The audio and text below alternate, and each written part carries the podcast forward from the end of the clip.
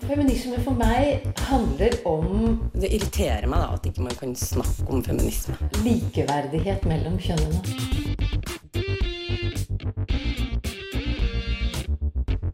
Det blikket på kvinnen på film. handlet det om å bli tatt på alvor som jente. Du hører på Et eget rom på Radio Nova. Undersøkelse fra Press viser at så mange som sju av ti ungdommer føler på kroppspress. Burde vi bli eksponert for alle typer kropper, eller burde vi bare droppe å snakke om kropp? Dette skal vi snakke mer om i dagens episode av Et eget rom.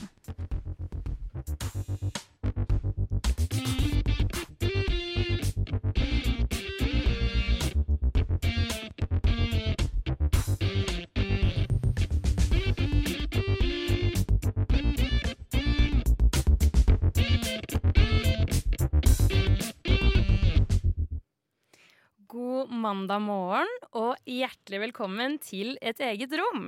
Jeg heter Anita Kristiansen. Teknikeren i dag er Javad Benhammo. Og de to andre du skal høre stemmen til i dag, er Robin Ingeborg Frøyen. Velkommen. Tusen takk. Og Katrine Opheim. Velkommen. God morgen. God morgen. Og velkommen skal dere være, kjære lyttere. Men jeg vil gjerne høre litt mer om hvordan dere har det, mine kjære venner i studio. Hvordan, hvordan har vi det? Hvordan har du det, Katrine? I dag har jeg det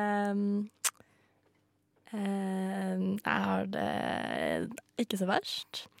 Hvordan har du det i dag? Jeg har det også ikke så verst. Hele forrige uke så var jeg sylteforkjøla, og nå, nå begynner det å gå liksom på bedringens vei. Så jeg er egentlig veldig fornøyd. Ja. Ah, Hva med deg da, Anita? Åssen går det med deg? Eh, det går bra. Jeg er litt stressa. Akkurat nå så har jeg veldig mye å gjøre. Veldig mye på kalenderen. Men jeg liker å være litt travel. Ja, da føler jeg meg litt viktig. Det er sånn eh, Å, nei, jeg må ha et møte i dag, og så skal jeg rekke det og få til det. Og. Så det tærer jo litt på, men eh, det gjør at jeg føler meg eh, Føler meg litt viktig, da. Produktivt. Det er Ja, bra. riktig. Takk som spør, Anita. Jeg innser at jeg overhodet ikke har tenkt på hvordan jeg har det. Men i dag så skal vi jo snakke om kroppspress. Og rapporter fra Press viser jo at halvparten av ungdommer helt ned i 12-13-årsalderen eh, vil endre på kroppen sin. Eh, og dette går heller ikke over med alderen, for sju av ti 16-åringer som jeg nevnte i stad, føler på kroppspress. Eh, føler du noen gang på kroppspress, Katrine? Det kan nok skje. Eh, jeg tror at jeg bare har vent meg til å ikke se meg selv i speilet, ikke være rundt folk som snakker så mye om, om kropp, og det har hatt en veldig god påvirkning på min egen psykiske helse. Ja. Men det er noe jeg aktivt må velge, på en måte. ja. Men hva skjer hvis du havner i en situasjon Hvis du sitter med en gjeng, og så begynner de å snakke om kropp? Hva, hvordan forholder du deg til det? Bare zoome ut. Du bare soner ut? Ja, eller så prøver jeg å bare ta samtalen over på et annet tema. Jeg syns ikke det er så Altså, eh, kropp eh, Det er mange måter å snakke om på kropp, men hvis det er liksom opplevd det som en negativ måte om kropp, eller man snakker om andre sine kropp, kropper, eller snakker ned seg sjøl, da ja, prøver jeg å sette en litt annen standard for samtalen, da. Ja. Ja, for det, det er det jeg liksom ofte syns når man først sitter i et rom og snakker om kropp, så er det aldri sånn Å, kroppen min er så fin, og jeg er så glad. Det er liksom alltid den Å, jeg føler meg litt feit i dag. Å, jeg føler meg så slapp, jeg har ikke trent. Det er alltid negativt, da. Ja. ja, for det var det jeg skulle til å spørre dere om nå, da. Nå har dere jo svart litt på det, men når er det dere føler på kroppspress? Er det når dere sitter og snakker om det med vennegjengen, eller er det, kan det være andre ting? Jeg bare, jeg bare svarer, jeg. Ja. Eh, Jeg syns at det har blitt veldig mye vanskeligere nå å unngå kroppspress. Det kan hende at det er en veldig subjektiv mening, men nå som man går rundt med hele verden i lomma og liksom har Instagram og man har Snapchat, og en ting er at man selv velger hvem man skal følge, men både på Instagram, Snapchat og Facebook så dukker det jo opp reklamer i feeden din som du ikke har noe styring over, annet enn at Kanskje er du i riktig aldersgruppe, så ok, da bestemmer Snapchat at nå skal vi reklamere for denne bilderedigeringsappen hvor vi bruker en dame i bikini som eksempel, eller for denne slankepilla. Ja, ikke sant. For ikke for å snakke om eh, alle mulige filmer, TV, reklame osv. osv. Ja, altså Man slipper liksom ikke helt unna uansett, da, selv om man bevisst går inn og eh, trykker unfollow på eh, de man blir påvirka av. Så slipper man liksom ikke ut. Altså, de finner deg uansett. Jeg føler at det er så vanskelig å Hvis du har lyst til å slippe unna kroppspresset på sosiale medier, for eksempel, da, så må du jo slette hele appen. Altså, jeg gjorde det før jul. Sletta Snapchat og Instagram. Oi. Jeg har aldri følt meg så utafor i hele mitt liv.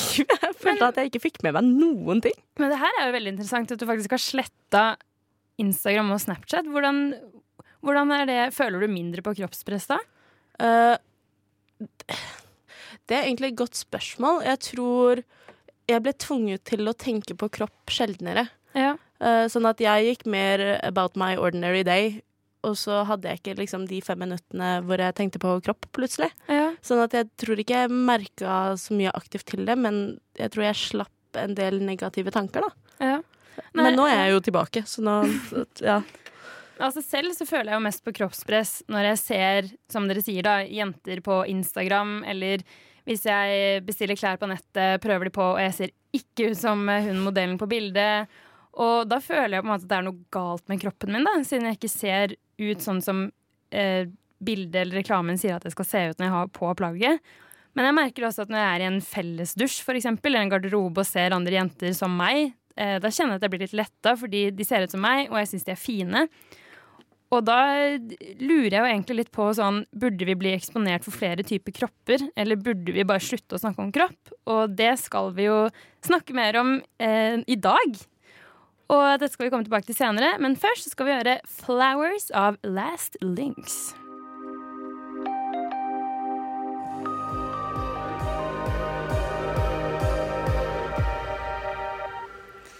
Der hørte du deilige Last Links, av, altså med Flowers. Nei, feil. Der hørte du Flowers med Last Links. Jeg har skikkelig mandagsfølelse, så dere må tilgi meg litt. Men eh, Robin og Katrine, hva er det egentlig som bidrar til kroppspress generelt?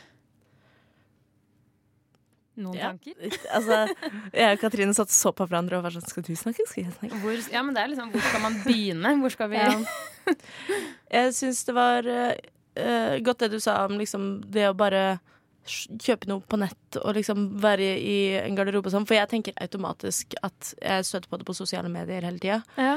Men jeg, jeg tror de gangene jeg står mest og føler på at jeg er ukomfortabel med kroppen min kontra forventningene til kropp, er når jeg står i prøverommet på f.eks. Ja. Hennes Maurits. Ja. Oh, ja. oh, det er the worst feeling. Uh, og liksom, selv om jeg er ganske komfortabel med kroppen min nå, liksom, det har tatt mye tid, men jeg har jobba mye med det.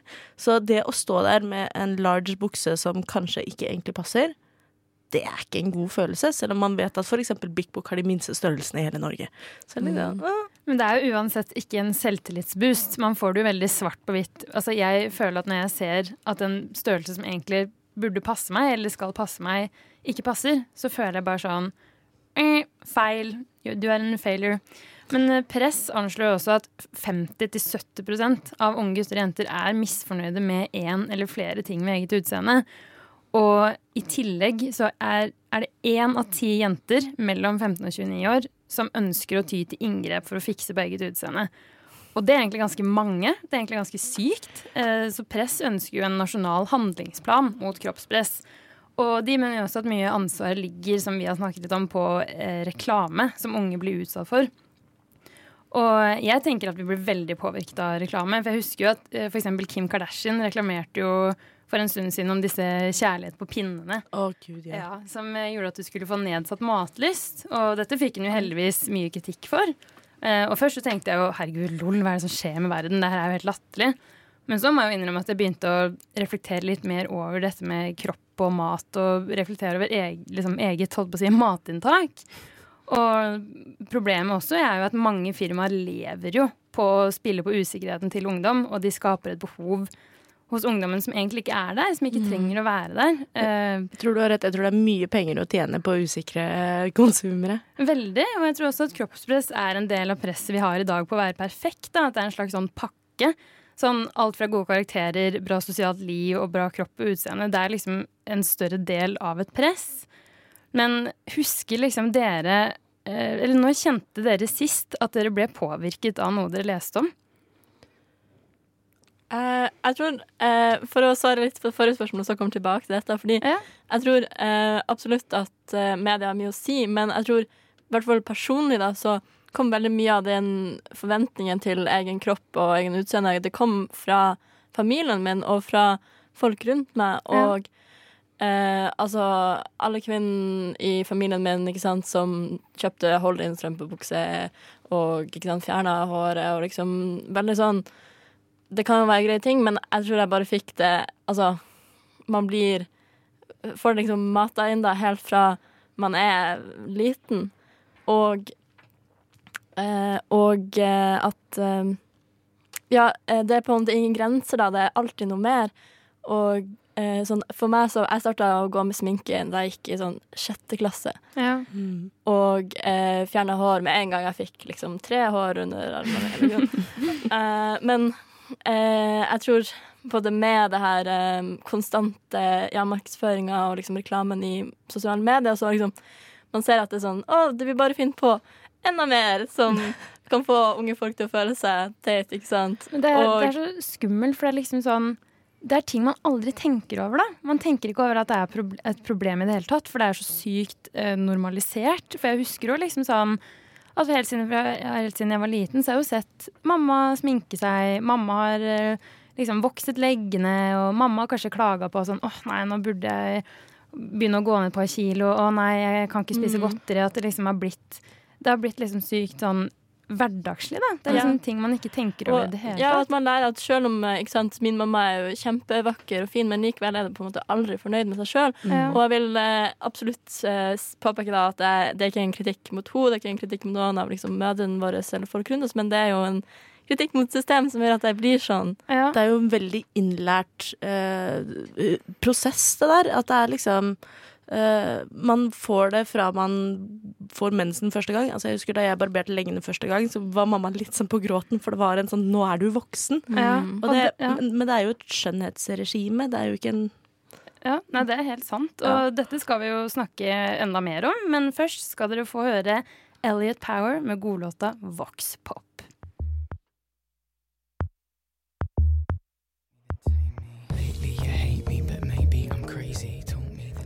Og der fikk du sangen Vox Pop av Elliot Power. Den var sykt smooth. Ja, det var en skikkelig deilig sang. Sånn, Digg låt. Yes, Den her skal jeg definitivt høre mer på. Men eh, det finnes jo aktivister som ønsker å ta tak i dette med kroppspress. da. Og body positivity det er en bevegelse der målet er at alle mennesker eh, skal ha et positivt kropps kroppsbilde. Samtidig som man utfordrer hvordan samfunnet presenterer og ser på kropp. Og Katrine, du har jo sett litt på hvordan eh, denne bevegelsen starta. Ja, fordi egentlig så kan kroppspositivismen, eller body positivity på engelsk, eh, sies å være en del av en ganske lang historie da, med frigjøring av eh, strenge kroppsidealer i samfunnet. For det er nemlig ikke noe nytt. Og det er heller ikke bare forbehold, forbeholdt kvinner. Eh, på 1850-tallet så var det en eh, klesreformbevegelse i Europa, og også i Norge, som handla om at kvinner skulle, skulle få slippe å gå med så stramme korsetter. Og kanskje til og med få lov til å gå i bukse. Wow! Mm. ja. Og den bevegelsen handla ikke bare om frihet til å velge sin klesdrakt, men også en protest mot den ja, for mange uoppnåelige kroppsidealet. Men uh, den, virkelige, den, største, den første virkelige bevegelsen under em, body positivity movement oppsto i USA på eh, 60-tallet med fat acceptance movement. Okay. Ja, og den bevegelsen hadde som mål om å få slutt på fatshaming, som altså er hets eller mobbing pga. høy vekt, og å korrigere de misoppfatningene som sier at det å være tjukk er det samme som å være usunn. Mm. mm. Og eh, selvfølgelig eh, Eller dessverre, selvfølgelig. Det er ikke selvfølgelig, burde ikke være selvfølgelig. Men de her organisasjonene og aktivistene har fått uh, veldig mye kritikk da, for å fremme et usunt kroppsideal som normaliserer overvekt. Som jeg føler kanskje går litt, litt glipp av poenget. Ja. Mm. Om at man fortsatt har kan ha det bra uansett om man Ja. Det er interessant at du sa at den, eh, liksom den fat, uh, anti-fat-shaming-bølgen var på 60-tallet. Stemmer det? Ja, Ja. Uh, ja det var da i hvert fall eh, Body Positivity Nei, eh, sorry. Fat Positivity Association. Ah. Ja. ble grunnlagt. Ja, det er jo nå 80 år siden, det. Det er veldig, altså, veldig overraskende. Jeg tenkte at det 60 starta, 60 år siden. starta mye senere. 80, det ble veldig lenge. Ja, Det ble 60. veldig lenge. 60 år siden. Jeg kan matte, jeg lover. Men vi vet jo at body positivity, da, eller kroppspositivisme som det heter på norsk, kan bidra til normalisering av ulike typer kropper. Og alle har jo egentlig like mye rett til å legge ut bilde av kroppen sin på f.eks. Instagram. da. Men er det egentlig sunt at hvem som helst legger ut bilde av kroppen sin, Robin? Så her å, du, å, er her, her har jeg så mye følelser. Nei, men jeg, eh, dette med kroppspositivisme føler jeg er en veldig kompleks debatt, for det er mange ting som spiller inn. Uh, og det er jo litt derfor det fort kan bli konflikter i debatten også, som denne debatten som var tidligere med Ulrikke Falk og en blogger, Ja. hvor ingen av dem egentlig kom seg veldig godt ut av det til sist, syns jeg. Da Det var vel Kristine Ullebø Ja, det kan og. Ulrikke Falk. Eh, hvor begge liksom misforsto hverandre litt, samtidig som jeg forstår det så godt. For problemet er jo at på den ene siden så vil man vise et mangfold av kropper for å normalisere det at hei, ikke alle ser ut som denne eh, boss-modellen som sitter med eh, helt naken fordi hun har en klokke på seg, liksom. Ja. Eh, og ikke alle ser ut som eh, Barbie eller som supermodellene på Instagram. Og det er det vi blir eksponert for, særlig fra det kapitalistiske. Altså de selger kroppsideal samtidig med å selge produkter. Ja. Eh, Så som en motvekt så burde man jo nesten oppfordre til at vi som nå har så mange plattformer å vise mangfold på, burde vise mangfold for å normalisere det at hei, det er ikke bare disse reklamekroppene som fins. Ja. Det er også disse andre kroppene. Men så er det igjen dette med at da blir man tvunget til å tenke på kropp når man ser dette bildet av en kropp. Ja. Uh, og er det positivt? Skal man bli tvunget til å tenke på kropp hele tiden?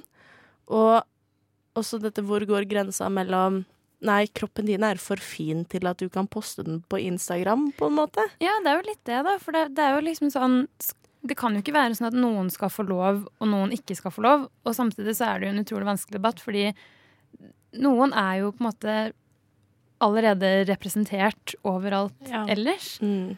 Og så tror jeg også det er noe med Siden vi er vokst opp med såpass mye kroppspress fra veldig mange kanter, så skal det utrolig mye til før man føler seg fornøyd. Ja. Så jeg tror selv, liksom, selv den jenta som legger ut et bikinibilde uh, og skriver uh, 'jeg jobber med å elske kroppen min', og så ser hun kjempeperfekt ut for veldig mange andre, ja. kan fortsatt godt sitte hjemme og føle seg stygg og fæl. Ja. Fordi vi lever i et samfunn som vil at hun skal føle seg stygg og fæl.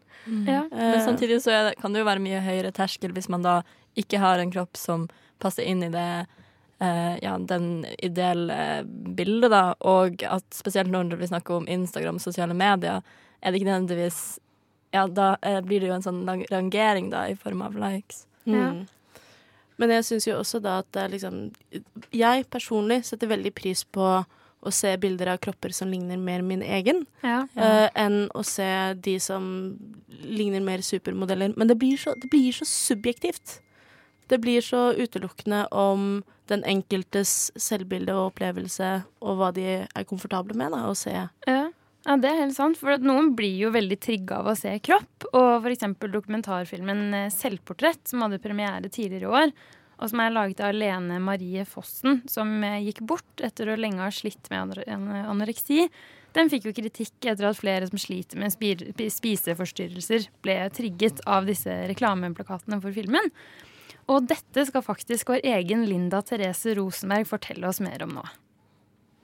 Ja, nei, nå ble det mye tanker her. Jeg kjenner at eh, jeg, blir- pissed. Jeg heter Karina Elisabeth Karlsen. Jeg er eh, samfunnsdebattant. Mye sint i media når det kommer til kropp og feminisme. Og er prosjektleder for Spiseforstyrrelsesforeningen. 17.1 hadde filmen 'Selvportrett' premiere. Filmen forteller om kunstneren Lene Marie Fossen og om hennes kamp mot anoreksi. Og har skapt både begeistring og skepsis.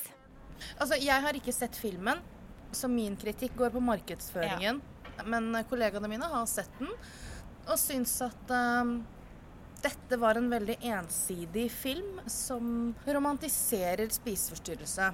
Noe av problemet også, mener vi, da, er at de ikke klarer å skille helt heller i debatten om dette er et kunstnerisk innslag, om dette er samfunnsdebatt, eller om dette her er en måte å vise anoreksi på. Jeg syns at dette her er en sånn udefinerbar masse. Er dette et innlegg i debatten? I så fall så burde det være noen kritiske stemmer.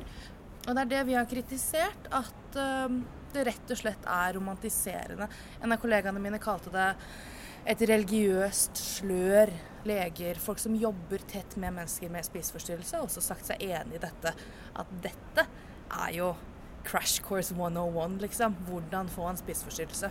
Og så er det viktig å få fram at dette er ikke kritikk av Lene Marie Fossen, men det er hvordan eh, Kanskje spesielt hvordan media har tatt imot filmen i etterkant. At det er terningkast seks, og dette er flott, og hurra og oi.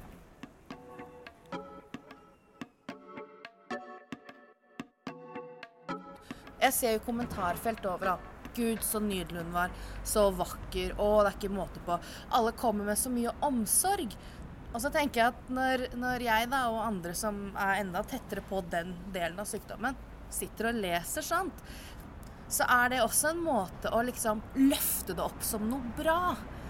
Og det tror jeg handler litt om at vi har litt for lite kunnskap om det her. Eller altfor lite kunnskap. For en som ikke aner hvordan det er å leve med en spiseforstyrrelse, Ja. er det mulig å sette litt ord på hvordan denne filmen liksom oppleves? Når man har den bakgrunnen som det jo er mange som har. Altså, nå har ikke jeg hatt anoreksi, men det jeg har eh, hørt, er jo at folk opplever det litt sånn konkurranse. Altså, når man er syk i en sånn sykdom, så er man jo helt Jeg snakker for meg sjøl helt ødelagt. Man blir så eh, ukritisk, da. Man klarer ikke tenke rasjonelt. Så jeg hører flere som sier at Fossen vant jo. Hun blei så tynn at hun døde av det, og så løftes hun opp, liksom, som en sånn stjerne i ettertid. For min del så Jeg visste ikke at det der kom til å trigge meg så innmari å måtte se den plakaten overalt. Nå er det jo mange grunner til at man får en spiseforstyrrelse. Min gikk ut på at jeg alltid har vært tjukk, jeg ville bli tynn. Så jeg også ser jo liksom Ja, der er hun, ja. Ble- Hun, hun er tynn, hun. Da må jeg gjøre noe også. Så min spiseforstyrrelse har jo blussa opp igjen av det her. Og det kom litt overraskende på meg, da. Men det sier også litt hvor, hvor um, urasjonell man blir. Jeg jobber med det her, jeg er kroppspositivist. Jeg snakker mye om at vi må være snillere med kroppen vår. Og så faller jeg i det igjen.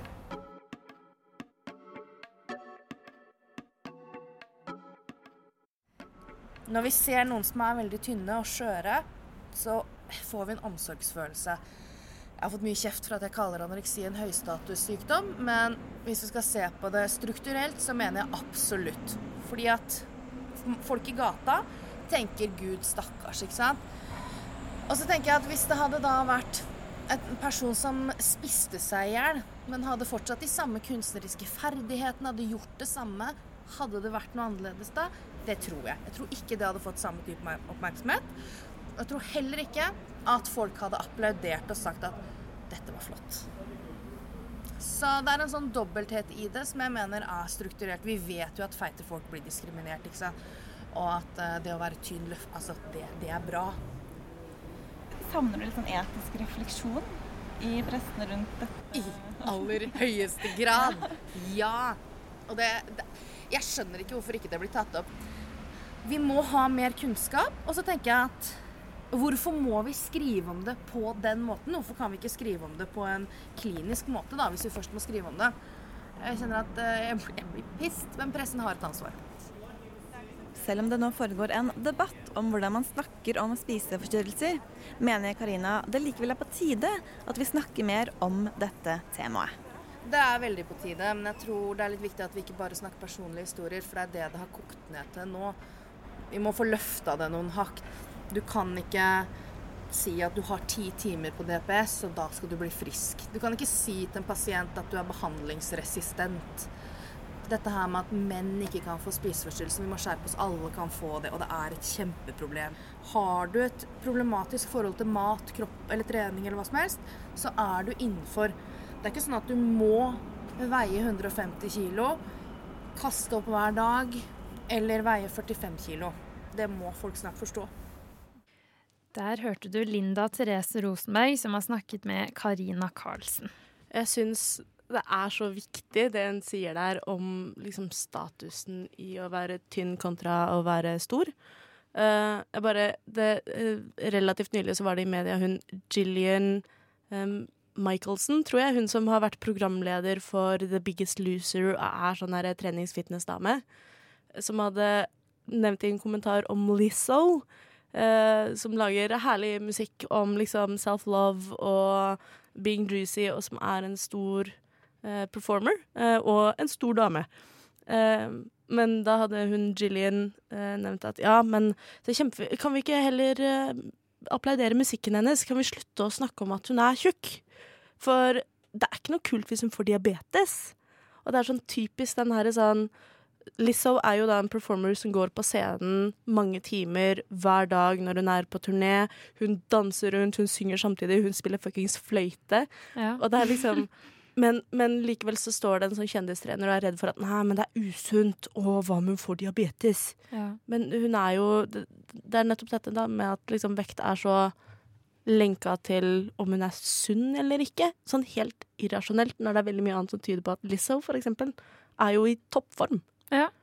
Ja, unnskyld. Nå er jeg ferdig. Nei, men er Kjempefint. Veldig godt poeng. Men noen mener jo at løsningen for å bekjempe dette kroppspresset, det er å bare slutte å snakke om kropp og bare akseptere kroppen sin. Og dette kalles jo body neutrality in English. Eller kroppsnøytralitet eh, på norsk. Um, og selv så har jeg blitt veldig bevisst på å ikke snakke om kropp. Og i vennegjengen så er det egentlig ganske sjeldent at det er et tema. Uh, så kropp har på en måte blitt ikke en sånn big deal, da. Eh, Så i motsetning til body positivity-bevegelsen, som handler om å vise frem ulike kropper og elske kroppen sin uansett hvordan den ser ut, så mener jo body neutrality-bevegelsen at vi skal drite litt mer i kropp. Og hvordan startet eh, body neutrality-bevegelsen egentlig, Katrine? Ja, um, sånn som eh, eller min research sier at um, bevegelsen for kroppsnøytralitet ikke nødvendigvis har de samme tydelige historiske røtter, røtteren, røtteren. Eh, men eh, da kroppspositivismen da fikk en skikkelig giv sosiale, i sosiale medier på 2010-tallet, eh, som da det ble skikkelig vanlig på Tumblr skikkelig vanlig på Instagram, og liksom at hver, hver en hver en mann og kvinne og ikke-binær og alle mennesker kunne bare legge ut akkurat hva de ville, og gjorde det. Og at det var da liksom, tegn på et behov for å vise frem kropper som er utdefinert fra den normale, tradisjonelle media. Det var kroppspositivismen. Men kroppsnøytralitet er jo da en feministisk kritikk av kroppspositivismen. Så altså ikke en sånn mainstream kritikk som sier at kroppspositivismen sprer de gale idealene, men den sier heller at bevegelsen faktisk kan virke mot sin hensikt og tenke at man alltid skal være fornøyd med kroppen sin uansett hvordan den ser ut, det kan føre til et enda større fokus på kropp og verre psykisk helse. Og det er bare fra ca. Sånn 2015 at mange feminister og aktivister har kritisert kroppspositivismen for å ha blitt overtatt av de her kommersielle kreftene og reklamene og selskapene som tjener da på en sånn privilegert versjon av kroppspositivismen, som løfter opp eh, mindre og hvitere og mer tradisjonelt feminine kropper under parolen 'love yourself'. Ja. Um, så samtalen har fokusert på at vi burde bevege oss vekk fra kroppspositivismen fordi det ikke er realistisk å hele tida elske kroppen sin, men, bør- men at man heller bør fokusere på hvordan man kan bruke kroppen som et middel for å ha en givende hverdag, uavhengig av hva, som, hva den er i stand til, eller den- hvordan den ser ut. ja, at hvordan du ser ut, det er egentlig ikke så veldig viktig, på en måte, da. Ja, eller at det ikke burde være det. Ja, Mm. sant. Men eh, jeg syns det her er litt vanskelig. eh, For hjelper det å se mange forskjellige kropper, eller burde vi egentlig bare drite i å fokusere på kropp? Hva, hva tenker du egentlig, Robin? Jeg tror Jeg syns det er veldig vanskelig. Jeg syns også at liksom denne tanken om å kunne holde seg nøytral og snakke mindre om kropp, er en kjempegod tanke, men jeg sitter og føler på Dette er helt subjektivt og min mening, Ja. men jeg sitter og føler på at vi lever i et samfunn nå hvor det er målet, men det er, vi har ikke kommet langt nok til at vi kan begynne å Begynne å slutte å snakke om kropp, for å si det på en veldig eh, klumsete måte. Ja, Ja. Men. Ja, nei Nei, men for eksempel sosiale, på sosiale medier, da. eh, Så er det, og det er jo veldig visuelt. Går det egentlig an å være kroppsnøytral der? Nei, men jeg tenker at de her to tingene ikke nødvendigvis eh, går imot hverandre. At man, samt, eh, man kan jobbe for at kanskje mindre altså seksualisering, da, spesielt av kropper i reklame og musikkvideoer. Og eh, ja, altså bare at man skal bli mindre ser, altså, være mindre fokus på sosiale medier, samtidig som man arbeider for at ikke sant, de stedene man faktisk må se kropp, og Ja. se kropp i filmindustrien og også reklame, offentlig informasjon, at det skal være inkluderende overfor alle typer kropper, og også de som er funksjonshemma, også de som er trans, også de som er feit, etc. Ja. Jeg også tenker at Nei, gud, nå hadde jeg en tanke. Den forsvant Forsvant den? umiddelbart. Nei, du må prøve å finne den. En gang jeg åpna munnen. Uh, jo. Der fant uh, den. ja. uh, nei, jeg tenker at det Jeg tror egentlig disse to bevegelsene har veldig mye til felles i grunntanken, og det er at man skal eh, sette pris på at man har en kropp og fins, og hvis den funker, er det fint, og hvis den ikke funker, så uh, er man fortsatt en veldig liksom, verdifull person. Uh, men at det også At det er ikke snakk om at man bare skal plent slutte å snakke om kropp, og det er heller ikke snakk om at hver gang noen sier og i dag prøvde jeg en bukse, og jeg føler meg tjukk, så, så skal ikke responsen automatisk være Nei, du må elske deg selv, du må elske deg selv nå med en gang, du må slutte å snakke sånn om deg selv. Men heller kanskje bare si Ja, det skjønner jeg, men uh, uh, da kjøper du en annen bukse, da. Ja, og vår kjære redaksjonsleder Andrea Berg eh, hun skal jo fortelle oss om sitt forhold til kroppsaktivisme på Instagram. For er kroppsnøytralitet for de privilegerte, som har vært vant til å se seg selv bli representert? Og har vennene hennes egentlig rett i at Florence Given er fremtiden?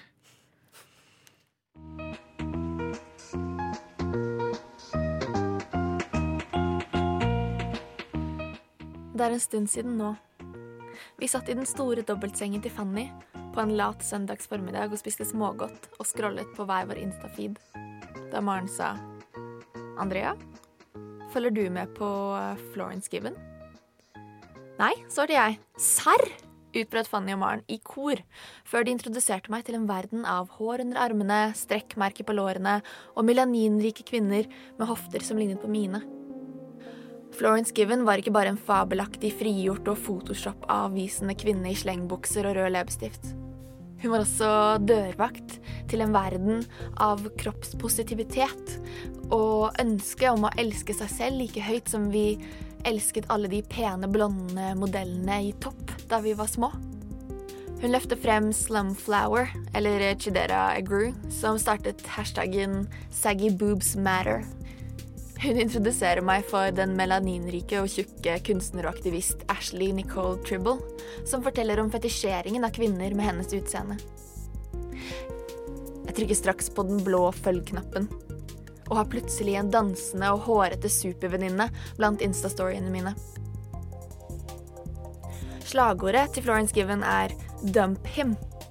Plutselig henger plakatene hennes på veggene i kollektivet. 'Women are going to change the world', står det på en av dem. If they aren't adding any value to your life, then what the hell are they doing in it?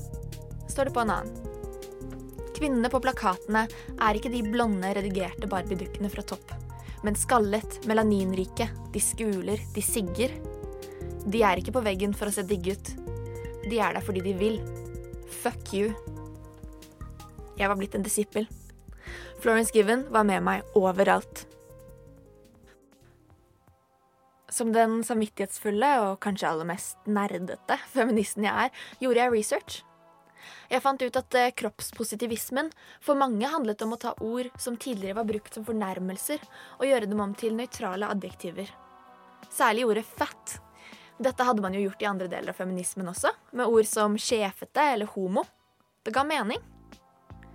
Altså Da Press kom ut med sin rapport Prosjekt Perfekt i 2018, som baserte seg på intervjuer fra 2000 norske ungdommer, fant de jo at nesten halvparten av kvinnene som ble spurt, var litt eller totalt misfornøyd med eget utseende. Hos menn var tallet på 16% 43% av alle de spurte, av begge kjønn, svarte at de kjente på kroppspress i hverdagen. Åpenbart er dette et problem. Både et kjønnet og et universelt problem. Og Florence Given og hennes allierte kroppspositivister skulle redde oss. Det ble mitt oppdrag å få verden til å trykke på den blå følg-knappen under den lyserosa logoen til min nye heltinne. Men det var noe som gnagde litt et eller annet sted. For i hvilken grad er jeg kroppen min, egentlig? Og eh, må vi, på død og liv, elske kroppene våre? Dette spørsmålet dukket eh, opp i feeden min etter at jeg begynte å følge Jamila Jamil, som annet er skuespiller i serien The Good Place. Spørsmålet provoserte meg. Ja, vi må jo elske kroppene våre. Hva er alternativet, liksom? Vel, sa Jamil, har du tenkt på at kroppen kanskje ikke er så viktig? At det går an å snakke om andre ting? Jamil sier i et intervju med Channel 4 at influensere selger en slags selvbevissthet. Og jeg tenkte wow. Det er jo ikke bare de urealistiske standardene som er et problem. Det er selve selvbevisstheten. At kvinner over hele verden sitter og engster seg for hvordan de fremstår. Kvinner på konferanse, kvinner på møte, kvinnelige journalister. Vi tenker så mye på kropp. Men hva om vi bare slapp? Plutselig sto det der foran meg, lysende som en åpenbaring eller en brennende busk. Kroppsnøytraliteten. Den sa vi trenger ikke å snakke om det. Vi kan snakke om noe annet. Eksempel hvordan går det på skolen?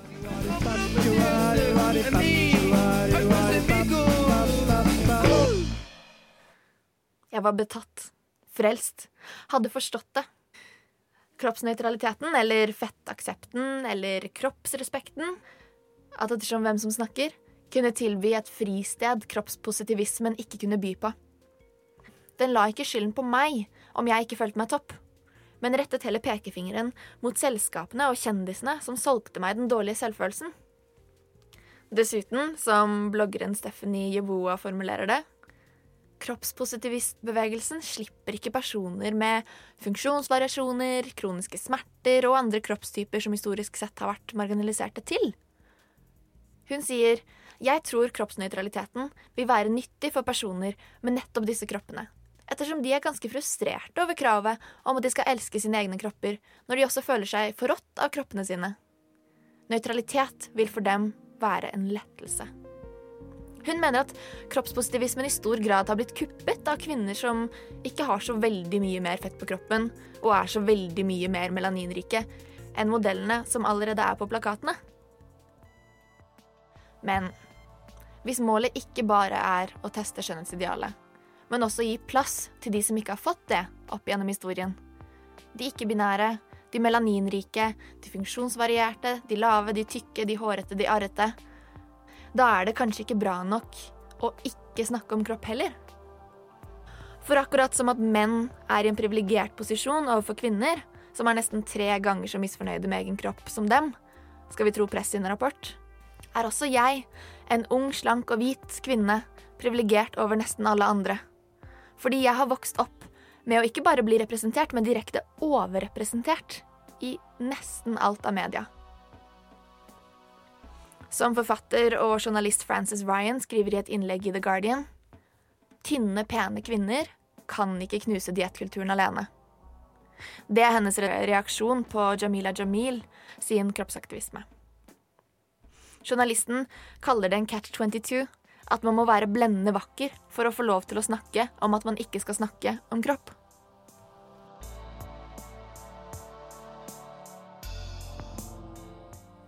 En gang for lenge siden så hørte jeg et intervju med en kvinne som fortalte at hun alltid hadde drømt om å bli forfatter. Eller kanskje det var president hun ville bli? Jeg husker ikke.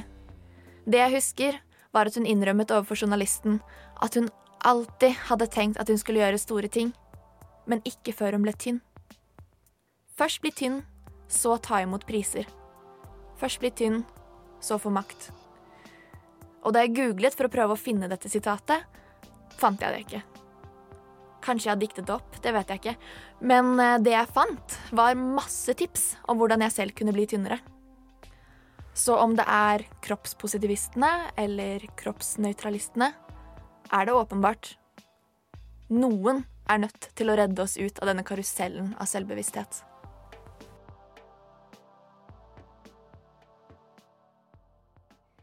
Der hørte du stemmen til Andrea Berg. Og jeg kjenner meg veldig igjen at man eh, ser for seg selv tynnere og penere før man lykkes. Eh, et eksempel fra eget liv, så har jeg alltid hatt kjempelyst til å delta på Idol, eh, men da føler jeg at da må jeg være pen først. Eller penere og tynnere først.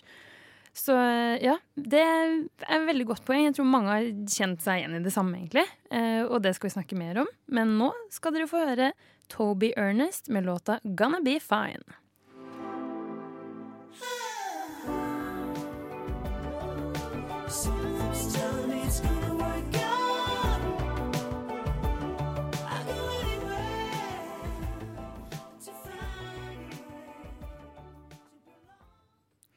Der hørte du Toby Ernest med 'Gonna Be Fine'. Veldig hyggelig tittel på sangen. Det Gonna pass, Be Fine. passer veldig godt til temaet. Liksom, jeg, det mye kroppspress. Nei, gonna be fine. Og så syns jeg det passer veldig godt til mandag. Det jeg vet er mandag, men it's gonna be fine. It's gonna be fine. Men uh, folkens, kroppspress. Hva skal vi gjøre selv? Hva, altså, hva kan vi gjøre selv for å bidra til mindre kroppspress? Være gode forbilder. Hvordan er man det? Uh, um, nei, jeg vet ikke. Både for min egen helse, men òg jeg tenker for uh, spesielt lillesøstera mi, så har jeg gått veldig vekk fra å legge ut bilder av meg sjøl på Instagram. Ja. Og tenker mer på liksom Ja, jeg kan legge ut bilder av alle andre ting enn på en måte den der søken etter bekreftelse. Um, Jeg gjør litt det motsatte. Jeg prøver aktivt å legge ut flere bilder av meg selv på Instagram. Men det handler om uh, å bygge under mitt eget selvbilde og også bidra til å vise mangfold. For jeg har ikke den der supermodellkroppen. Jeg er kanskje litt uh, tykk og litt hårete. Og så bare bidra med å prøve å si at sånn ser jeg ut. Det går også helt fint. Ja. ja. Men eh, jeg, jeg prøver jo på en måte å ta aktive grep, da, for jeg syns jo det med mat og kropp er en ganske dyp fallgruve. Så jeg tenker jeg må unngå å falle i den fallgruven. Så jeg har f.eks. ikke veid meg på mange år. Så når, Ja, jeg sånn, hos, eh, når jeg er hos legen, og de spør sånn ja, høyde og vekt, så sier jeg høyde 1,65, vekt har ikke peiling. Så da er det sånn at jeg må veie meg, og så sier jeg til legen nå sjekker du vekta, og ikke fortell meg det. Og de er sånn OK. det høres ut som en ganske god sånn eh, ikke forsvarsmekanisme, men en, en god måte å kjenne seg selv og sine triggere på. Da. Ja, Og det bare, tror jeg er sunt. Bare ikke fokusere på et tall. Mm. For et tall sier jo ikke nødvendigvis hvor sunn eller hvor fin jeg er. Egentlig. Og det man også kan gjøre da hvis, En ting er hvis legen spør. Hvis legen spør, så må man kanskje svare. Men hvis, eh, altså, hvis du eksempel har en tante eller en farmor eller en onkel som spør hvor mye veier du egentlig, Ja. eller en venninne eller kompis eller hva enn det skal være, da, så går det an å svare at eh, du, det, jeg veier meg ikke, jeg bryr meg ikke, det er ikke så farlig. Det viktigste er hvordan jeg føler meg. Ja, det synes jeg er et veldig godt poeng. Og så bare Det går jo litt på det med body neutrality, da, men jeg merker at jo mindre vi snakker om kropp og utseende, jo mindre bevisst blir vi på det. Det blir mer sånn Det er ikke så viktig. Det blir ikke så viktig lenger. Men samtidig så ser jeg jo viktigheten i å, og på en måte være åpen om Altså det er jo et problem, åpenbart. Men man- akkurat det å snakke om, snakke om at det er et problem, men at det ikke er et problem med oss sjøl nødvendigvis. Mm. For jeg tror det er viktig å snakke om det, og ikke på en måte tie det i hjel heller, på en måte. Og prøve å unngå problemet ved å ikke snakke om det. Man prøvde jo det om seksualitet på 1800-tallet. Det gikk jo ikke bra i det hele tatt. Nei, men det å finne Altså, for å bare konkludere litt egne tanker sånn, Ikke nødvendigvis slutte å snakke om kropp, men å snakke om kropp på en annen måte, da. Det tror jeg er en god konklusjon. Ja, takk. Nei, så det, er- jeg tror det er viktig å på en måte flytte fokus, og eksempel ikke, slak, snak, oi, ikke snakke om komplekser eller slanking eller sånn å, lårene mine ser sånn ut, det ser sånn ut, det ser sånn ut. Det er ikke fint. Fordi det påvirker jo andre, selv om man kanskje ikke mener det. Mm. En annen ting er at eh, når man snakker med, med små unger og om små unger, at eh, man Det er jo forska på at det er en tendens til at man eh, gir komplimenter til guttene for tingene de klarer, og til eh, jentene for at de er så snille og pene og søte og Ja. rolig. Ikke sant? Mm. Og faktisk være bevisst på de tingene da, fra ja, fra ungene små, tror jeg det kan utgjøre en utrolig stor forskjell. Det, det, det, krever ganske mye arbeid også. Jeg har en jobb hvor det hender at eh, jeg jobber med folk med anoreksi. Og da er det veldig viktig at man ikke liksom sier 'Å, så, så frisk du var i dag'. liksom. Ikke sier sånn 'Å, så fin du ser ut', eller 'så fin du var på håret', eller ikke rette fokus mot utseendet på samme måte. Det og det, det, krever litt. Ja, ja. men jeg tror, jeg tror, det er eh, riktig. Og vi skal snart runde av, men først skal vi få servert ukas feministiske nyheter. A person who believes in the social, political and economic equality of the sexes. Et eget rom. Et eget rom. Et eget rom. Et eget rom. Et eget rom. Norge har fått plass i styret til Global Action on Disability. Nettverket arbeider for rettigheter til mennesker med funksjonsnedsettelse i utviklingsarbeid. Morten Eriksson i Atlas-alliansen, som er 19 interesseorganisasjoner som arbeider sammen med global bistand til funksjonshemmede, sier at dette er en viktig milepæl for inkluderende utvikling fra Norges side. I 2016 ble det gjennomført en endring i Norges lover vedrørende endring av juridisk kjønn. Tidligere var det krav om at personer som ville endre juridisk kjønnsmarkør, måtte kastreres, mens dagens lovgivning åpner for at endring av kjønnsmarkør ikke krever tvangskastrering. Da Sverige gikk gjennom samme prosess i 2013, ble det vedtatt at alle svensker som hadde gått gjennom kastrering, skulle få økonomisk kompensasjon. Men det har vi ikke i Norge.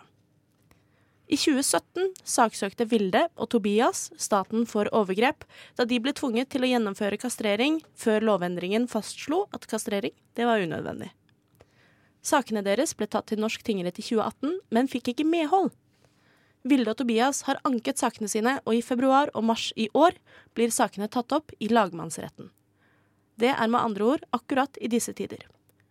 Foreningen FRI støtter Vilde og Tobias kamp mot 53 års umenneskelig praksis, og har en VIPS-kampanje for å hjelpe Vilde og Tobias med utgiftene i prosessen.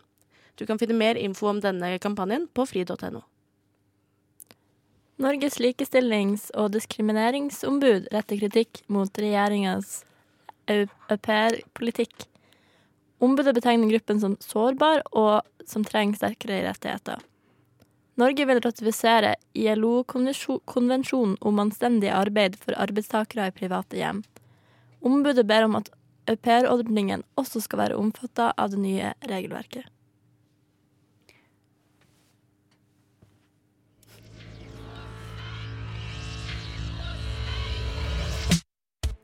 Absolutt eget rom. Et helt ekte eget rom. Et eget rom. Et helt seriøst og morsomt eget rom.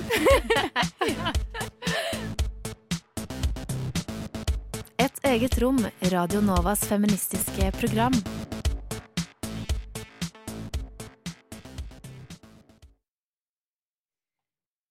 var faktisk det vi hadde for i dag.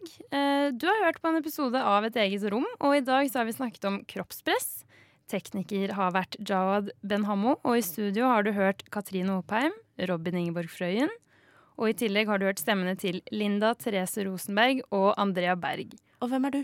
Jeg er Anita Kristiansen. og hvis du vil ha mer feminisme i Monitor, følg oss gjerne på Instagram og Facebook. Der heter vi surprising nok et eget rom i ett ord. Og jeg blir veldig glad hvis dere også laster oss ned, eh, gjerne på din foretrukne podcast-app. Om det så er Spotify, podcast-appen som følger med telefonen din, eller Soundcloud. Veldig fint uansett. Eh, og på vei ut skal du få 120 Days med Dale Disco. Ha en fortsatt nydelig mandag og en nydelig uke.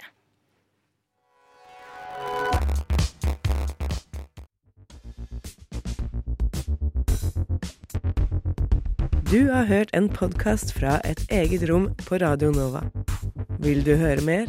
Sjekk ut Et eget rom på Facebook, Instagram eller radionova.no.